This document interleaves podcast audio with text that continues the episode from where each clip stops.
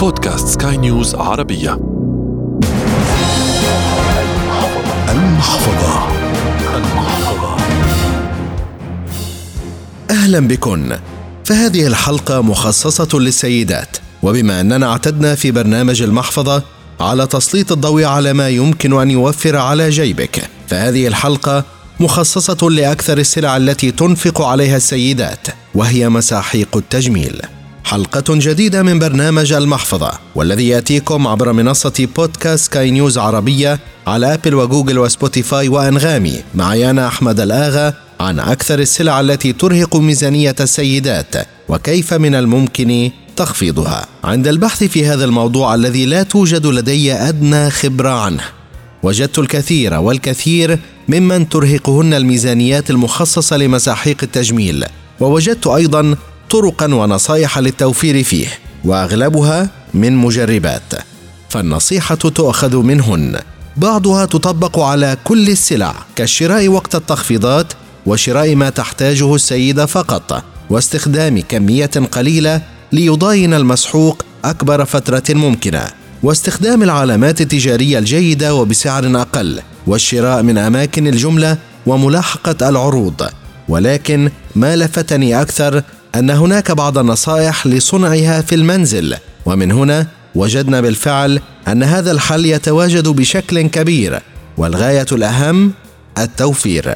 وبدورنا نستضيف خبير التجميل محمود مرشد والذي سيساعد السيدات هذه المرة بصنع بعض منها.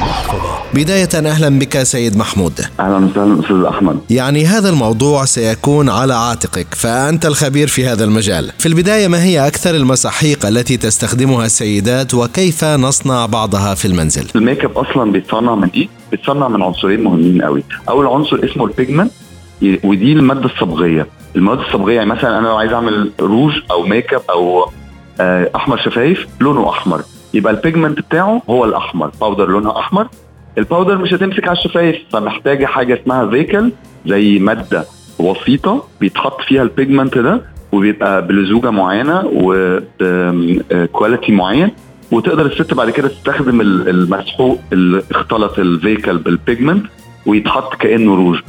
آه، ال pigment آه، آه، ممكن تبان في كل العلب لون واحد أو لون ال- ال- الروج يبان إن هو في كل الماركات لون واحد. لكن الحقيقة آه، ده وهو في العلبة. لكن أول ما بنستخدم على الشفايف أو على ال make up بصفة عامة أو على الوش بصفة عامة آه، بيبقى خفيف جدا. دي أول خطأ فيه بس مش هي دي الكارثة. الكارثة في المادة الثانية اللي بتتبدل اللي هي الدهون والزيوت اللي بتستخدم اللي هي ال vehicle اللي بيتحط فيها ال- ال pigment عشان تقدر تعمل المنتج. الحاجات المسموح بيها تتحط على البشرة بتاعت البشرة الآدمية حاجتين ثلاثة غاليين جدا زي زيت اللوز مثلا. زي gel ال aloe vera gel الصبار الحاجات دي إذا آه، استبدلوها يعني مثلا الحاجات المضروبة أو الحاجات اللي بيطلق عليها مضروبة أو مزيفة آه، بدل ما بيحطوا الزيت بتاع اللوز بيحطوا زيت مستخرج من البترول. ممكن تجيب كانسر تجيب التهابات ممكن تجيب حاجة. دي المشكلة الكبيرة جدا جدا جدا اللي لازم الستات تاخد بالها إن دايما آه، الحاجة الحقيقية أو الحاجة الأصلية آه هي بتبقى غالية فعلا لأن المواد اللي بتتركب منها بتتصنع منها المواد دي هي فعلا غاليه تمام. هل هناك بعض المنتجات نعم التي تقوم بتصنيعها منزليا؟ للتوفير طبعا على السيدات. فعلا. وتكون وتكون أيضا بجودة عالية حيث لا تضر بشرتها أو صحتها أو الجلد بشكل عام. حلو قوي. أول حاجة ال tint ال tint ده هو عبارة عن مادة سائل ملون ممكن يبقى لونه من الألوان اللي بتدي حيوية للوش. ال tint ده بيستخدم في إيه؟ معظم البنات عارفة ممكن يستخدم كبلاشر على أحمر خدود ممكن يستخدم على الشفايف وممكن يتحط مكان ال eye shadow فهو منتج مهم جدا بيستخدم في ثلاث أماكن مختلفة في الوش. ال tint ده بقى آه، مكوناته عبارة عن إيه؟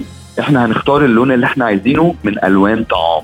بنجيب من عند العطار اللون اللي إحنا عايزينه عايزين أحمر عايزين pink عايزين orange ومحتاجين نص كوباية مية معدنية بنزوات صوديوم مكسبات طعم. مكسبات طعم يعني ممكن نعملها بالفانيليا نعملها بالموز بالفراولة. يبقى طعمها كمان عشان بتتحط على الشفايف يبقى كمان طعمها حلو. أوكي؟ المقادير دي بنخلط نص كوباية مية مع ربع معلقة بنزوات صوديوم مع ربع معلقة آه، مكسبات طعم.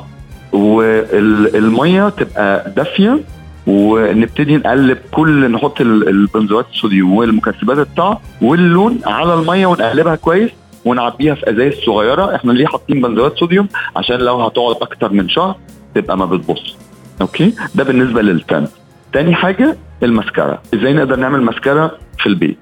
إحنا بنستخدم عندنا لازم يبقى عندنا مثلا eye shadow أسود مكسر. يعني أي حاجة ممكن تبقى آه، مكسورة من المنتجات بتاعتك في البيت. إحنا ما بتترميش الحاجات دي إحنا بنعيد تدويرها تاني. بس بشرط إنها تبقى من المواد آه، ال powder مش مواد كريمي الكريم ما ينفعش يقعد أكتر من من سنة بعد ما نفتح العلبة. فإحنا المسكرة هنعمل المكونات بتاعتها اي شادو أسود. أي مخلفات اي شادو أسود عند أي سيدة سواء إذا كان الأسود ده بيلمع أو آه، مطفي آه، محتاجين شمع العسل. الشمع اللي هو بيبقى في العسل النحل بناخد جزء منه مثلا قد معلقة أكل كبيرة بنغسله كويس جدا جدا جدا تحت المية وبعد كده بنسيبه ينشف في الشمس شوية وبعد كده نجيبه عشان نستخدمه ونحط عليه بقية ال ingredients. بقية ال ingredients أو بقية المكونات آه طبعا شمع العسل معلقة كبيرة من زيت الخروع ومعلقة كبيرة من زيت اللوز. بنسخن شوية زيت اللوز وزيت الخروع بنعمل لهم mix على بعض وندفيهم على نار هادية. وبعد كده نضيف عليهم شمع العسل. شمع العسل ده بيبقى الأول صلب أول ما بيتدفى شوية بيبقى مش درجة حرارة عالية درجة حرارة بسيطة جدا بيتدفى شوية بيسيح وبيبتدي يندمج مع الزيوت اللي إحنا حطيناها قبليها. آه لغاية لما آه إحنا بنتحكم في لزوجه المنتج ده كل ما بزود شمع العسل كمية شمع العسل كل ما بيبقى المسكرة اللي إحنا بنعملها دي بتقعد وقت أطول لأن شمع العسل هو المسؤول عن مسك اللون على شعر الرموش بتاع العينين يصبح اللون أسود يعني؟ يصبح أسود. إحنا كنا مجهزين من الأصل اي شادو أسود. ال eye shadow الأسود ده بحطه بضيفه على المسحوق اللي إحنا عملناه أو العجينة اللي إحنا عملناها دي وبتبقى بنقلبها كويس جدا جدا جدا وبنشيلها من على النار وبنعبيها في أي بقى tube في أي علبة صغيرة. آه، بتتقفل كويس عشان بتنشف.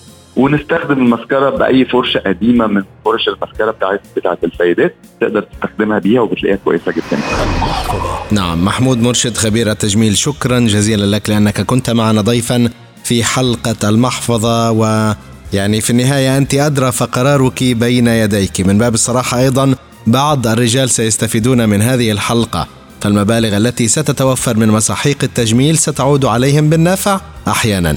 إلى هنا تنتهي هذه الحلقة والتي أتتكم عبر منصة بودكاست سكاي نيوز عربية على أبل جوجل سبوتيفاي وأنغامي. تقبلوا تحيات أحمد الآغا من الإعداد والتقديم وغسان أبو مريم من الإخراج الإذاعي. إلى اللقاء. المحفظة.